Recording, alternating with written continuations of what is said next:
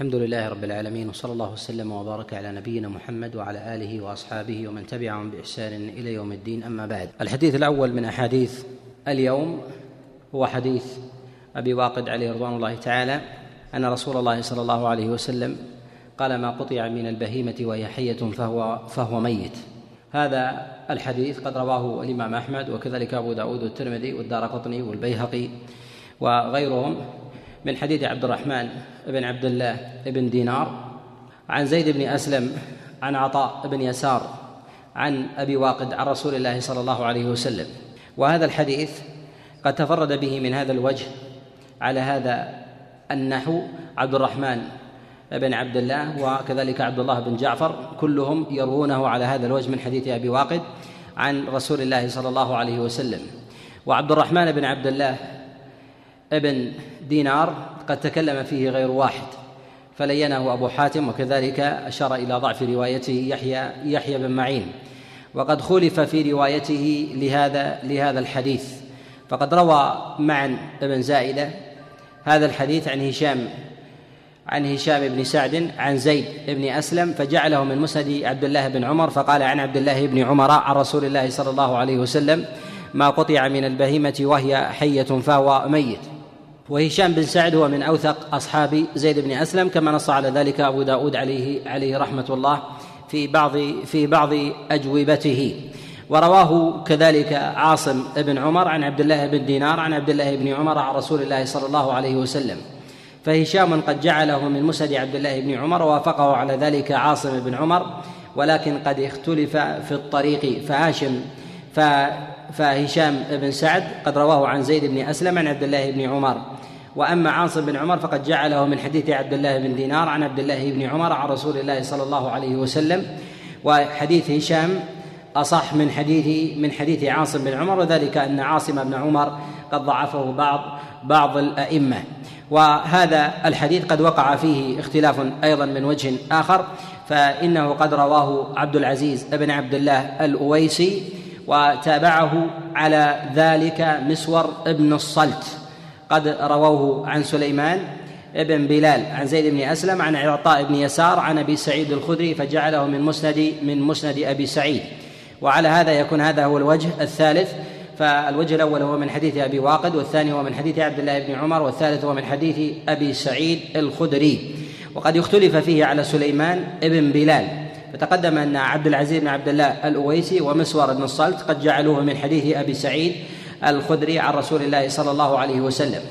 فقد خلف في ذلك رواه خارجة ابن مصعب عن زيد بن أسلم عن عطاء ابن يسار ف فجعله مرسلا عن رسول الله صلى الله عليه وسلم.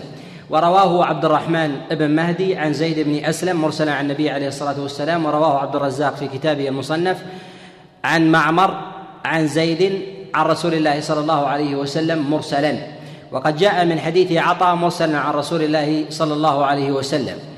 وقد جاء من حديث تميم الداري كما رواه ابن ماجه في كتابه السنن من حديث أبي بكر الهذلي عن شاد بن حوشب عن تميم عن رسول الله صلى الله عليه وسلم.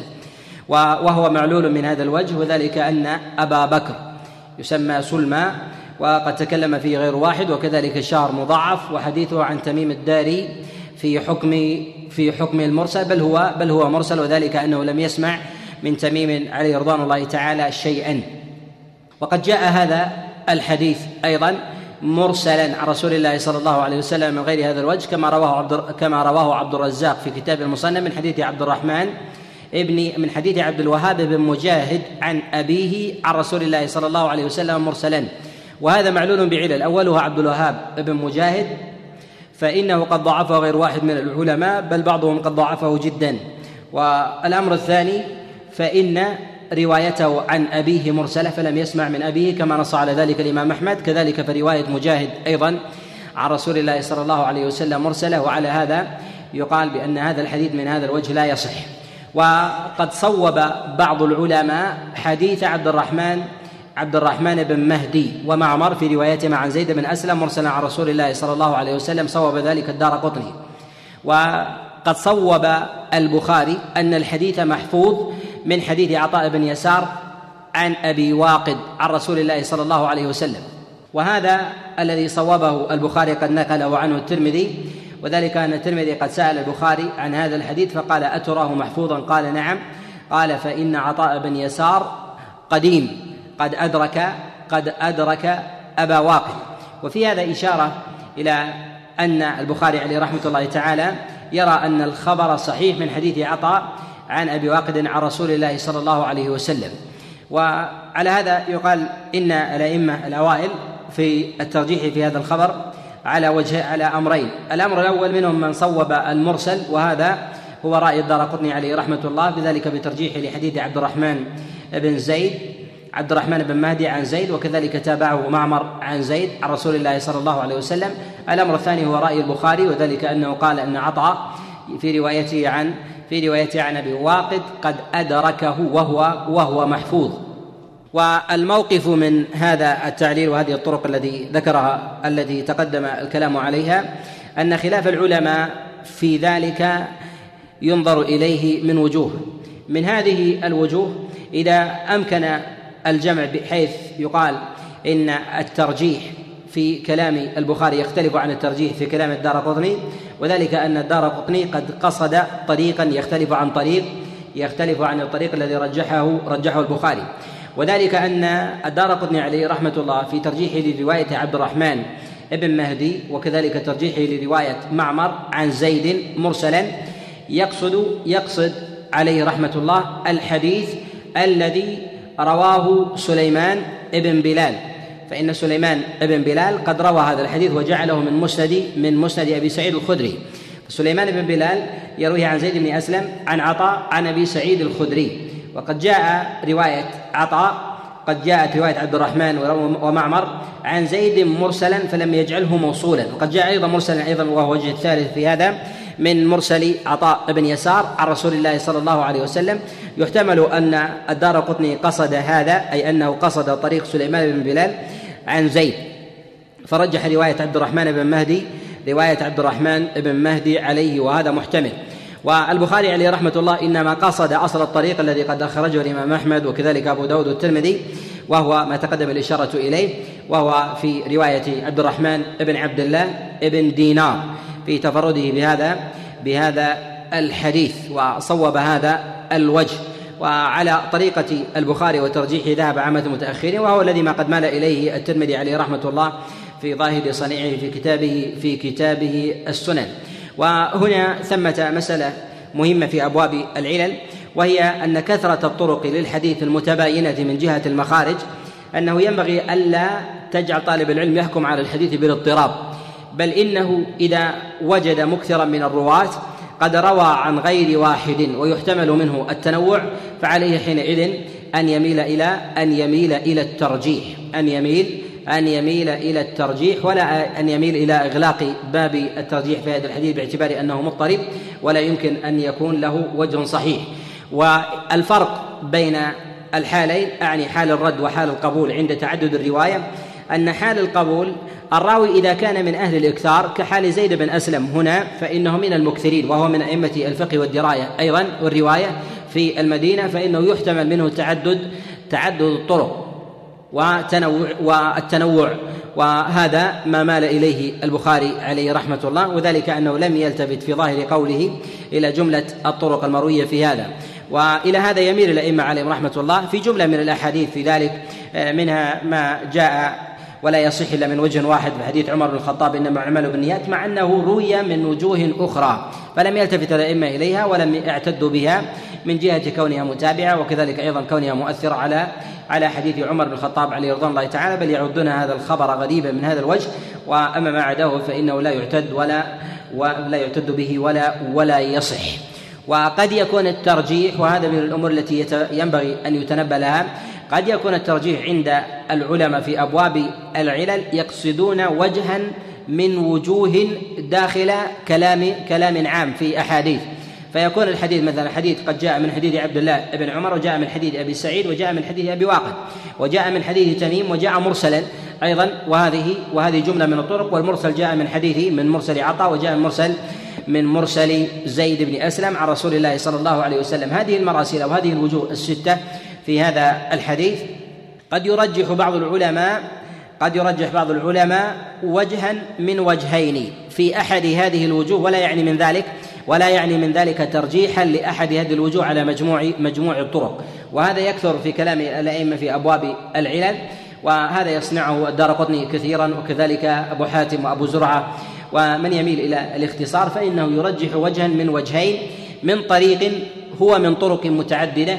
ولا يقصد في ذلك ترجيح هذا الوجه على سائر الوجوه المروية في هذا الحديث وهذا ما ينبغي أن يتنبه له خاصه خاصة أن كلام الدار قطني في ترجيح حديث عبد الرحمن بن مهدي عن زيد آه، لم أره تاما وإنما ينقله بعض الأئمة ممن تكلم على ممن تكلم على العلل مما ينبغي ألا يجعل مصادما لكلام البخاري عليه رحمة الله فيما نقله عنه الترمذي وكلام الترمذي عليه رحمة الله تعالى في نقله عن البخاري ذلك بين وهو ظاهر أنه يرجح الحديث في حديث عطاء بن يسار عن أبي واقد عن رسول الله صلى الله عليه وسلم ولا يعني أن هذا له صله ببقية الوجوه وإنما سأله عن طرق أو وجوه حديث أبي واقد ولم يسأله عن المتن. فلو جاء السؤال عن ذات المتن وهو في قول رسول الله صلى الله عليه وسلم ما قطع من البهيمة وهي حية فهو ميت لامكن لأمكن القول بأن البخاري عليه رحمة الله تعالى يقصد مجموع أو جميع جميع الحديث. وهذا ما ينبغي أن ينتبه إليه طالب العلم. كذلك أيضا من المسائل من المسائل الدقيقة في أبواب العلل أن الأئمة عند كلامهم على حديث من الأحاديث يجملون تارة الحكم على مجموع الطرق ويكون ذلك على سبيل الاختصار فيقولون ذلك هذا الخبر خبر منكر ويريدون بذلك المتن ولا يريدون بذلك طريقا بعينه وثمة وجه أيضا ضد ذلك أنهم ربما حكموا على حديث بالنكارة أو الغرابة آه، أو الرد ولكنهم لا يقصدون لا يقصدون الحديث بمجموعه وإنما يقصدون وجها من وجوهه فينقل عنهم ذلك القول وينزل على متن الحديث وأصله وهذا وهذا يكثر في صنيع المتأخرين. وهذا يكثر في صنيع المتأخرين ما ينبغي لطالب العلم أن يكون على عناية بها فيفهم سياق الأئمة في أبواب في أبواب الإعلال حتى يكون على دراية وبينة في هذا الأمر حتى لا يقع في شيء من الخطأ من الخطأ والزلل. الحديث الثاني نعم. نعم. هنا يقول هل إذا تعارض المرسل مع الموصول. يسمى هذا تعارض. نعم. يسمى تعارض. وغالب صنيع العلماء يعلون المرسل الموصول بالمرسل. وغالب نهج أبي حاتم وكذلك الدار قطني يميلون إلى ترجيح المرسلات. إلى ترجيح ترجيح المرسلات. إلا في أحوال. من هذه الأحوال أن بعض الرواة يعرف عنه الإرسال يعرف عنه الإرسال أنه لا يسند. وهذا يرد في بعض الأئمة الثقات الكبار كالإمام مالك. الإمام مالك يميل يميل الإرسال وميله للإرسال أولا لعلو الطبقة ثانيا لمعرفة شيوخه مما لا يحتاج إلى ارتجاله. وشيوخ الإمام مالك في ذلك معروفون. كذلك أيضا فإنه يميل للاختصار. ويقطع بخلاف غيره بخلاف بخلاف غيره. والغالب أن الشخص يحب التعلق بالمروي عنه مباشرة بالمروي عنه مباشرة خاصة إذا كان قريب منه. فالإمام مالك عليه رحمة الله مثلا يروي عن عبد الله بن عمر بواسطة تارة يسقط هذه الواسطة وكذلك عن عمر فإن شيوخه في ذلك وأسانيد معروفة خاصة فيما كان من أبواب الاحتجاج عند الكلام على بعض المسائل. وينظر في ذلك إلى حال الراوي الأصل المعارضة والأصل التعليل والغلبة في ذلك لصحة المرسل على الموصول والأئمة يرون في ذلك في هذا الترجيح أسباب منها الاحتياط أنه لا ينسب إلى رسول الله صلى الله عليه وسلم حديثا إلا على الوجه الأحوط في ذلك والأحوط في الإرسال وألا يكون في أبواب المتصل وذلك أننا إذا جعلناه متصلا قطعنا وجزمنا بالتلفظ به وإذا جعلناه مرسلا لم نجزم بذلك مع نسبتنا مع نسبتنا له إليه. الأمر الثاني أن الرواة الذين يرسلون الأحاديث خاصة إذا لم يكونوا من الأئمة الثقات في في آه، في عدم إسنادهم شبهة قوية. وذلك أن الراوي خاصة المتوسط إذا لم إذا كان لديه إسناد يفاخر به خاصة إذا كان شيوخه في ذلك إذا كان شيوخه في ذلك كبار فإنه لا بد أن يسند. لا بد أن يسند وثمة قرينة في هذا إذا كان الذي يحدث عنه كبير ثقة كبير إذا كان الذي يحدث عن المرسل كبير ولم يسمي المرسل شيخه في ذلك فهذه قرينة على أنه لا يوجد لديه لديه شيخ يعتمد عليه. وإلا لتفاخر به عند شيخه الذي هو أحفظ وأجل قدرا قدرا منه. وهذا له أثر الشيخ وله كذلك أيضا التلميذ والمتن كذلك أيضا البلد التي هو فيها. فبعض أهل المدينة يرسل خاصة الذين احتفت القرائن بحد شيوخهم وعدم تشعبهم وذلك لكونهم أنهم لم يغادروا البلدة التي هم فيها فانحصروا في بلدة من البلدان ولم يخرجوا ولم يخرجوا منها. وكحال المدنيين كذلك أيضا إذا تقدم طبقة الراوي. وأما الراوي المكثر الذي يطوف البلدان فهذا يخاف من إرساله أكثر أكثر من غيره. وذلك أنه لا لا يدرى من أسقط هنا هل هو الكوفي أو المدني أو المكي أو المصري أو الشامي ونحو ذلك. ولهذا يحتاط في متنوع البلدان وكذلك الحافظ الذي يكثر بالتنقل يحتاط في مراسيله أكثر من آه، الشخص الذي في بلد في بلد واحد. كذلك أيضا التلميذ له أثر إذا كان إذا كان التلميذ بلديا لذلك الشيخ الذي أرسل فإنه يحتمل منه بخلاف إذا كان ليس من أهل بلده فروى عنه فذلك فيه فيه شبهة. وكذلك أيضا ينظر إلى حال الرواة كما تقدم الإشارة إليه فهذا من آثاره. بين الراوي المرسل إذا كان له دراية وبين الراوي المرسل الذي ليس له ليس له آه ليس له دراية. الراوي المرسل الذي له دراية يعلل الحديث به يعلل الحديث يعلل الحديث به. ما الذي حمله على الإرسال؟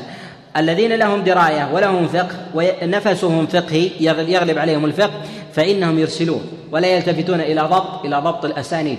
فإرسالهم حينئذ هذا من القرائن التي قد تحمل منه. لهذا ينبغي لطالب العلم كما تقدم الإشارة إليه أن يكون من أهل العناية بالتمييز بين الرواة الذين هم من أهل الرواية فقط وبين الرواة الذين لهم دراية ولهم فقه. والأئمة عليهم رحمة الله تعالى يجعلون كثيرا من آثار الأسانيد في أبواب الإرسال والاتصال كذلك أيضا في أبواب ضبط الألفاظ وتغيير المعنى. أثر الرواة الذين لهم دراية أنهم هم السبب أنهم هم السبب في ذلك وهذا ما ينبغي لطالب العلم أن يكون على عناية بها خاصة في أبواب الترجيح بين تغير المتون كذلك وقفها ورفعها. ونحو ذلك فإن هذا من مسائل من مسائل الاحتياط. كذلك أيضا من القرائن في هذا التي ينبغي لطالب العلم أيضا أن يهتم بها أنه بعض الرواة له عناية بالموقوفات. بعض الرواة له عناية بالموقوفات. وعنايته بالموقوفات أكثر من المرفوعات. فإذا اختلف الوقف والرفع عنده فإنه أضبط لغيره ولو كان ممن أحفظ منه. فيكون حينئذ الصواب في ذلك الصواب في ذلك الوقف وهذا كحال هشيم بن بشير السلمي. فإن هشيم وإن كان من أئمة الثقات إلا أنه ممن يكثر بالرواية رواية الموقوفات على الصحابة كذلك المقطوعات. حتى قال الإمام أحمد عليه رحمة الله تعالى أخذنا الموقوفة عنه. يعني الآثار الموقوفة فهو ضابط وعالم وبصير بفقه بفقه السلف ومروياتهم. سواء من المدنيين أو كذلك أيضا من العراقيين وقد نبه على هذا غير واحد ولهذا يعتني بمروياته في هذا الباب من يصنف في هذا الباب كعبد الرزاق وابن أبي شيبة وكذلك البيهقي وغيرهم. ثمة مرجحات مرجحات في هذا آه، كثيرة آه، سوقها مما مما يطول. الحديث الثاني وحديث أبي سعيد الخدري أن رسول الله صلى الله عليه وسلم سئل عن سؤر السباع. فقال النبي صلى الله عليه وسلم لها ما أخذت في بطونها ولنا ما بق ولنا ما غبر طهور ولنا ما غبر يعني بقي طهور. هذا الحديث قد رواه الإمام أحمد وكذلك رواه الدار قطني من حديث عبد الرحمن بن زيد بن أسلم عن أبيه عن عطاء بن يسار عن أبي سعيد الخدري عن رسول الله صلى الله عليه وسلم. وهذا الحديث حديث ضعيف وقد رواه عبد الرحمن بن زيد وهو مضعف قد ضعفه غير واحد من العلماء ضعفه يحيى بن معين وكذلك علي بن المديني وقد نص على هذا عبد, عبد وكذلك قد نص على هذا أبو حاتم ابن حبان على أنه مما لا يحتج به إذا إذا إذا انفرد. وقد انفرد بروايته لهذا الخبر عن أبيه عن عطاء بن يسار عن رسول الله صلى الله عليه وسلم. وهذا الحديث قد جاء من طرق متعددة. عن رسول الله صلى الله عليه وسلم قد جاء من حديث عبد الله بن عمر وجاء أيضا من حديث جابر بن عبد الله وجاء موقوفا على عمر بن الخطاب وجاء موقوفا على أبي هريرة وجاء مرسلا عن رسول الله صلى الله عليه وسلم كما يأتي بيانه.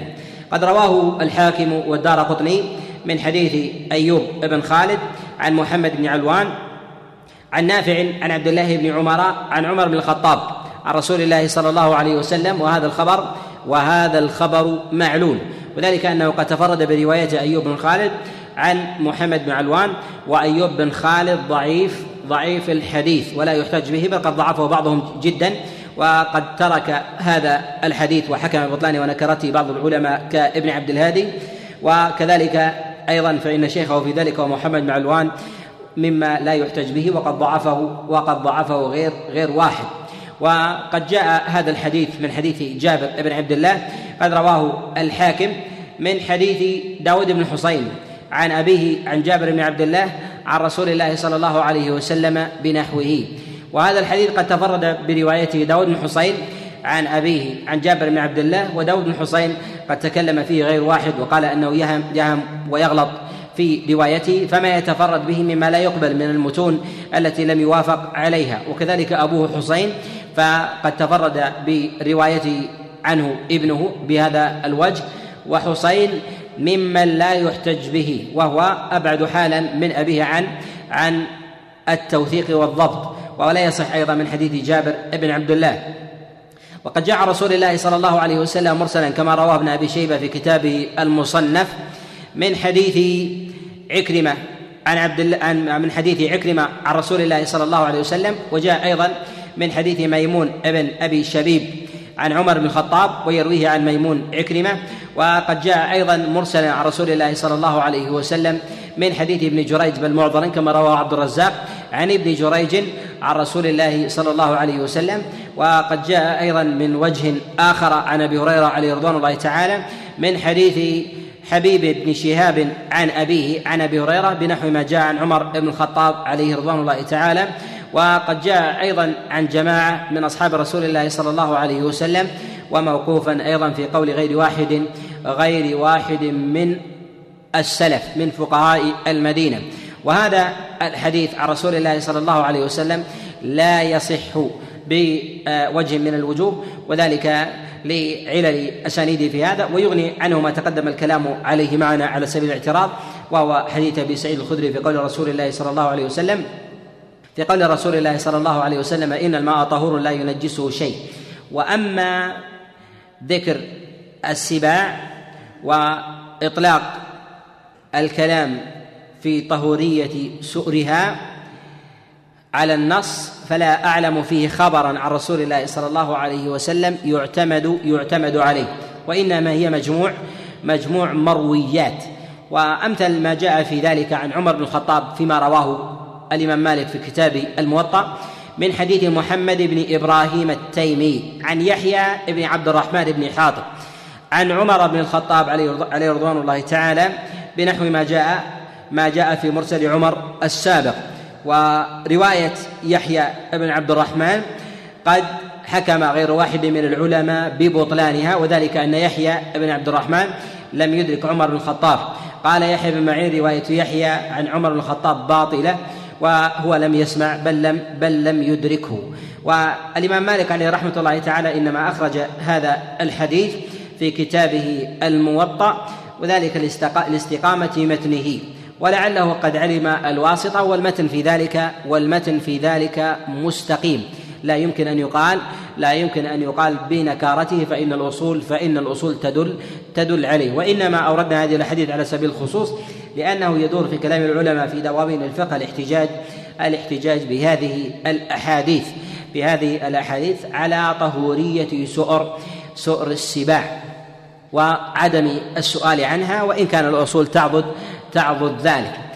الحديث الثالث حديث أبي هريرة عليه رضوان الله تعالى أن رسول الله صلى الله عليه وسلم قال الهر سبع. يعني أنه في حكم في حكم السباع.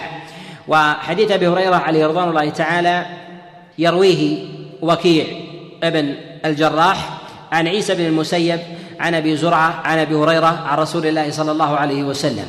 ووكيع قد توبع على روايته في هذا الحديث قد تابعه أبو هاشم. عن عيسى بن المسيب عن أبي زرعة عن أبي هريرة عن رسول الله صلى الله عليه وسلم ولكنه قد خالف في هذا المتن فقال السنور سبع. وقد روي هذا الحديث من غير هذا الوجه. قد رواه مسكين بن خالد ومحمد أبو الربيعة عن عيسى بن المسيب عن أبي زرعة عن أبي هريرة عن رسول الله صلى الله عليه وسلم أنه قال السنور سبع. وهذا الحديث قد تفرد به من هذا الوجه عيسى ابن المسيب عن أبي زرعة عن أبي هريرة. وعيسى بن المسيب قد ضعفه غير واحد قد ضعفه النسائي وكذلك قد طعن فيه ولينه أبو حاتم وكذلك أيضا الإمام الإمام البخاري. وهذا الحديث من هذا من هذا الوجه لا يصح. وفي قول رسول الله صلى الله عليه وسلم إن صح في هذا الحديث آه، الهر سبع يحتج به من قال بإلحاق حكم الهر بالكلب أو من قال بإلحاق الهر بالسباع لمن قال بطهوريتها أو نجا أو أو نجاستها.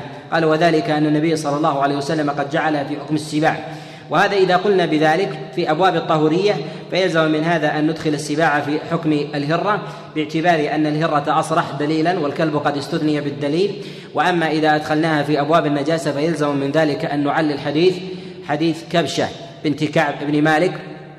ولكن لا يمكن أن نعل ذلك الحديث لما تقدم الكلام عليه من القرائن المقوية المقوية لهذا لهذا الحديث.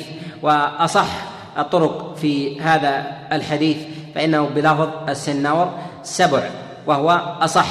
ولكن هذا الحديث ما إعلاننا له مرفوعا إلا أنه قد جاء موقوفا كما ذكر ذلك أبو زرعة فإنه قال أبو زرعة فإن فقد قال أبو زرعة رواه أبو نعيم موقوفا.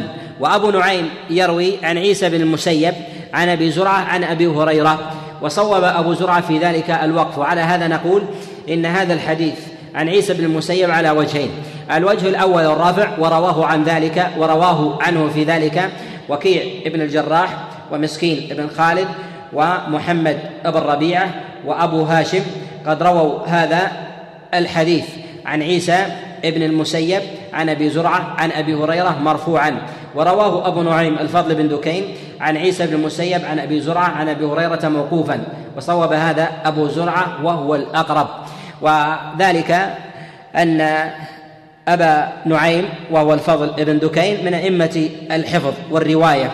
وإن خالفه في ذلك جماعة من الرواة على راسهم مكيع بن الجراح في روايته لهذا الحديث. وذلك وذلك أن وكيع في ذلك دون دون أبي نعيم في الحفظ والضبط مع جلالة الاثنين في الدراية وكذلك الفقه فإن أبا نعيم مقدم في الحفظ ومقدم أيضا ومقدم أيضا في الفقه وإنما مال أبو نعيم إلى ضبط الموقوف وذلك لنكارة لنكارة المرفوع لنكارة المرفوع ثم إنه أيضا مع كون آه، أبي زرعة وهو من أصحاب أبي هريرة وأصحابه في ذلك كثر فتفرد عيسى بن المسيب في ذلك مما لا يحتمل. كذلك فإن أبا هريرة ممن تأخرت وفاته واصحابه في ذلك كثر فإنه لم يروه عنه من أصحابه من أصحابه المشهورين أصحاب الرواية والدراية. فإن أبا زرعة وإن كان من أهل الرواية إلا أنه مقل في أبواب الدراية وهذا متعلق بشيء من الفقه. وإن كان المعنى يحتمل في ذلك الطهارة والنجاسة فهو يرجع فيه إلى النصوص الصريحة. والله أعلم بالصواب. الحديث الرابع في هذا. نعم. كلمة السنور أو السنور هي أعم من الهرة. كل هر سنور وليس كل سنور هر. يدخل في أبواب السنور كل ما آه، دنا من الأرض يدخل قد يدخل في هذا السناجب التي آه، تدخل البيوت. كل ما كان آه، يأكل اللحم وهو من ذوات الأربع التي تأتي الناس وترد عليهم سواء في البساتين فإنها تدخل في هذا العموم. أما الهر فله وصف الوصف المعلوم. الحديث الرابع حديث عمار بن ياسر قال أتاني رسول الله صلى الله عليه وسلم وأنا أسقي ناقة لي. قال فتنخمت فأصاب فأصاب ثوبي. فأخذت من الركوة التي أسقي منها لأغسل نخامتي. فقال رسول الله صلى الله عليه وسلم يا عمار إن دموعك التي بين عينيك وماءك الذي في ركوتك هو كنخامتك. إنما يغسل من البول والغائط والمني والدم والقيء هذا الحديث قد رواه أبو يعلى في كتابه المسند من حديث ثابت بن حماد عن علي بن زيد بن جدعان عن سعيد بن المسيب عن عماد بن ياسر عن رسول الله صلى الله عليه وسلم. وهذا الحديث قد تفرد به ثابت بن حماد وقد ضعفه غير واحد من الأئمة وهو ممن لا يحتج به وكذلك علي بن زيد بن جدعان فقد ضعفه غير واحد. وقد تفرد بروايته هذه عن سعيد بن المسيب وهو من الأئمة المشهورين. ومع كون هذا المتن يتضمن أحكاما يوردها من يتكلم على مسألة نجاسة المني على سبيل الخصوص. وأما مسألة القي ومساله وأما مسألة الدم ومسألة البول والغائط فهذه فالنصوص فيها كثيرة ولا يريدون فيها هذا هذا الخبر. وهذا الخبر منكر بل حكم ببطلانه بعض العلماء. كالبيهقي عليه رحمة الله فقال هو خبر هو خبر باطل.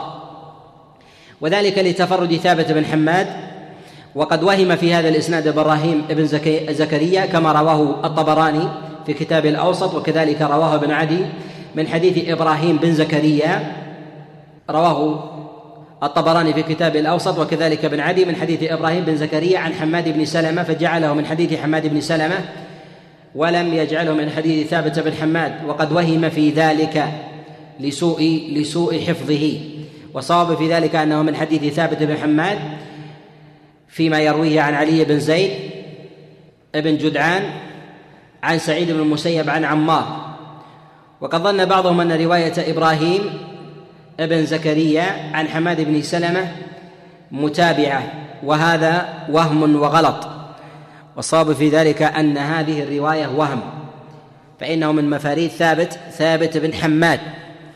وهنا قاعدة يتكلم عليها العلماء في أبواب العلل وهي أنه ينبغي للناظر في إعلال الأحاديث عدم الاقتصار على الإسناد وهذا ما تقدم الإشارة إليه مرارا ولكن نشير إليه هنا باعتبار أن هذا الحديث قد يحتمله بعضهم من جهة من جهة صدق بعض رواته وعدم كذلك كذب وكذلك نكارة الرواة فإن الإنسان إذا نظر في تراجمهم قد يجد لهم تعديلا فيقبل هذا الحديث ولكن هذا الحديث قد جاء معارضا لأحاديث أصح منه وهي في الصحيحين وهي ما يتعلق في حكم المني. والمني طاهر عند جماهير العلماء بل عند عامتهم من السلف. وبعض العلماء قال بنجاسته والصواب في ذلك أنه طاهر. وأما قرنه مع البول والغائط والدم فهذا من علامات النكارة. فإن الحديث إذا ورد وهو مخالف لما هو أصح منه فإنه من علامات النكارة. ولو لم يرد فيه شيء في طهورية المني شيء لقلنا بنكارة هذا الحديث. لما؟ لأن هذا الحديث لا يحتمل تفرد تفرد ثابت من حماد به وذلك لأنه يتضمن معنى معنى من المعاني المهمة وهو حكم المني والحاجة إليه ماسة وهو مما تعم به البلوى. كذلك أيضا فإن ذكره للغسل من البول والغائط مما لا يحتاج إليه. مما لا يحتاج إليه. والغالب في نصوص الشريعة أنه لأنها لا تعطف المستقذرات والنجاسات المتباينة. فالقيء عطفه على البول والغائط منكر إلا لغرض غير هذا الغرض وهو وهو غرض بيان التنجيس أو كذلك التطهير. وهذا ما يدل على نكارة نكارة المتون. ولا يمكن لطالب العلم أن يتحقق في هذا له النقد والدراية إلا بالتوسع بضبط أحاديث الباب. ولهذا طالب العلم إذا أراد أن يخرج حديثا أو أن يحكم عليه لا بد أن يجمع أحاديث أحاديث الباب والنصوص الواردة في ذلك الموقوفة والمرفوعة. فإذا جمع الأحاديث المرفوعة فلينظر فيها ويرتبها على حسب قوتها. فينظر في أحاديث الصحيحين في الباب ثم ينظر فيما دونها ثم ينظر في الحديث الذي الذي معه وما موقفه منها. فإذا كان الحديث مما يعارض مما يعارض الأحاديث التي هي أصح منه فإنه يقطع بنكارته. وأن ينظر أيضا إلى المتن. إذا كان المتن من الأحاديث التي ينبغي أو يحتاج إليها ينظر إلى قيمة الإسناد بالنسبة لقيمة المتن. فإذا كانت قيمة الإسناد أعلى من قيمة المتن فإن هذا من علامة النكارة. فلا بد من تساوي المتن مع تساوي تساوي الإسناد. وإذا كانت القيمة مهمة ولم يرد مما هو أولى منه وأخرج البخاري في بابه ما هو أولى منه فإن هذا من علامات من علامات النكارة وقد تقدم معنا وقد تقدم معنا الكلام على حديث الهرة وأنه لا يصح مرفوعا عن رسول الله صلى الله عليه وسلم يعني أعني الحديث في غسلها مرة. وذلك أن النبي صلى الله عليه وسلم الذي تكلم على حديث الكلب. الذي تكلم على الكلب وبيان نجاسته وورود الكلب على الناس وإن كان كثيرا في البوادي والقرى فإنه دون الهرة. فالهرة تخالط الناس أكثر من مخالطة الكلب. فلما ورد النص بإسناد قوي في الكلب ولم يرد في الهرة دل على نكارة ما يرد في ذلك في ذلك وأنه ينبغي أن يرد في ذلك إسناد إسناد قوي يحسم يحسم المسألة. وهذا وهذا توسع طالب العلم في إدراكه يرجع فيه إلى توسعه في ذات الباب وكذلك الأبواب المشاركة له. فإذا قلنا على سبيل المثال في أبواب المني إذا تكلمنا وهو في بابنا ينبغي لطالب العلم إذا أراد أن يحكم على حديث أن يكون محيطا بالأحاديث التي وردت في حكم المني. وأدق من ذلك أن يكون محيطا في في أحاديث النجاسات أو ما تعم به البلوى على نحوها. ما تعم به البلوى على نحوها. فعلى سبيل المثال يستطيع طالب العلم أن ينكر حديث نجاسة المني بإيراد الأحاديث التي دلت على نجاسة على نجاسة الكلب. فإن حاجة الإنسان في بيان حكم المني أكثر من حاجة الناس إلى حكم نجاسة الكلاب. وذلك أنه ما كل الناس لا ما كل الناس من البالغين ممن يحتاج إلى حكم إلى حكم نجاسة الكلب وكل الناس من البالغين يحتاجون إلى حكم إلى حكم المني من جهة الطهورية الطهورية والنجاسة. فلما دل الدليل على حكم الكلب ولم يدل على ما هو أولى منه وهو حكم المني دل على نكرته. فإذا كثرت هذه الأحوال عند طالب العلم وعند الناقد واعترض جملة من الأمور التي تعم بها البلوى وعرف مراتبها من جهة المخالطة فورد فيها النص ولم يرد فيما هو أولى منها فإن هذا يعطيه يعطيه نكارة. وقد يعل طالب العلم أيضا حديثا ليس في باب الطهارة وإنما في باب آخر في باب آخر بحديث في الطهارة وكذلك أيضا وكذلك أيضا العكس لمسألة عموم لمسألة عموم البلوى. وذلك إذا اقترن بذات بذات الراوي. الرواة من الأئمة منهم من هو ما تقدم الإشارة إليه أنه من أهل الفقه والضبط وأهل الدراية فهو يعتني بأحاديث. إذا جاءنا حديث قد كثرت الرواية أو كثر الرواية عن هذا عن هذا الراوي الذي له دراية وتعددت الطرق عنه ونحو ذلك في أثر لا يعتني به وهو من مسائل الدقيقة في الفقه.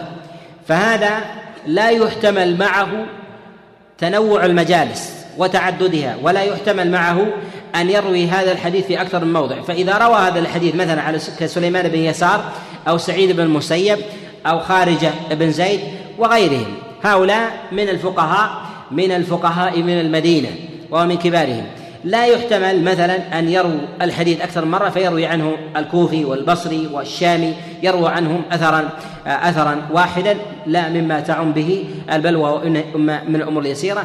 وينفرد راوي من الرواة فيما هو دونه دونه دونه دونه مرتبة فيروي في معنى مما لا يحتاجه مما لا يحتاجه الناس. وعلى هذا ننكر الثاني ننكر الأول. والثاني قد نحتمله. وهذا ما ينبغي لطالب العلم أن أن يلتفت إليه فيما يخص الراوي في ذاته وكذلك عنايته في المتن كذلك أيضا ذات المتن وتعلقه بالباب الذي هو فيه وتعلقه في أبواب ما تعم به البلوى في أمور النجاسات وكذلك في أمور الأقوال وعناية كذلك أهل الفقه في كذلك أيضا في عناية آه، أهل تلك الطبقة.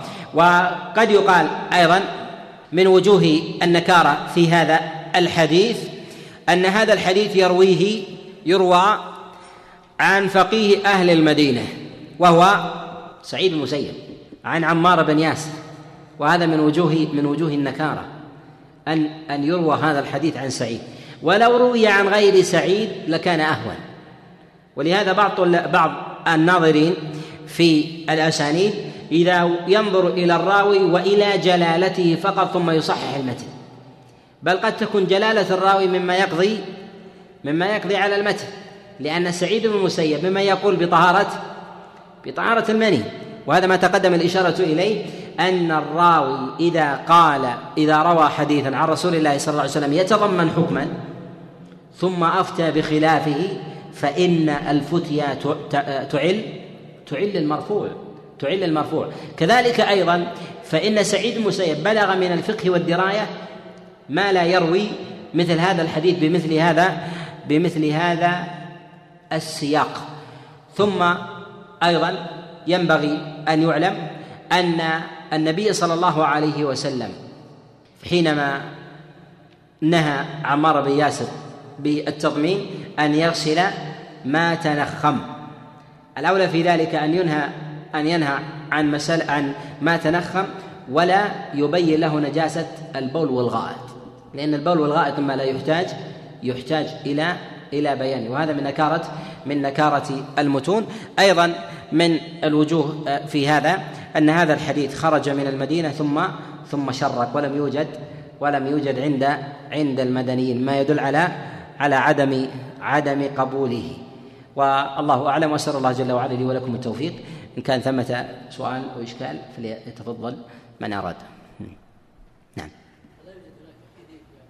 يقول هل يوجد أحاديث صحيحة لم يروها كبار المحدثين كالبخاري ومسلم وغيرهما؟ نقول يوجد لكن ليست أصول أو مما تعم بها البلوى أو من أعلام المسائل ومشهورها. قد يوجد أحاديث صحيحة ليست عند الأئمة الكبار تجدها مثلا عند الطبراني أو تجدها مثلا عند البيهقي أو تجدها عند الدار القطني لكن هذه الأحاديث ليست مما مما تعم بها البلوى. ولا تكون من اعلام المسائل ولا من أصول الدين. ولا من أصول الدين. ثمة مسائل تتعلق بأصول الدين تعلقا؟ لكنها ليست ليست من أصول. كبعض الصفات لله عز وجل. كبعض الصفات لله سبحانه وتعالى. قد لا تجدها في الصحيحين وقد لا تجدها أيضا في الكتب الستة. باعتبار أنها من فرعيات من فرعيات أصول الدين.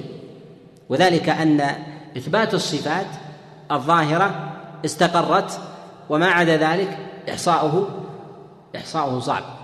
فيريدون ما يثبت هذا الأمر ثم يدعون يدعون ما عدا ما عدا ذلك. وما يجب إحصاؤه فإنه يورد. وما وما يمكن إحصاؤه يورد. وما لا يمكن يريدون الأصول في ذلك.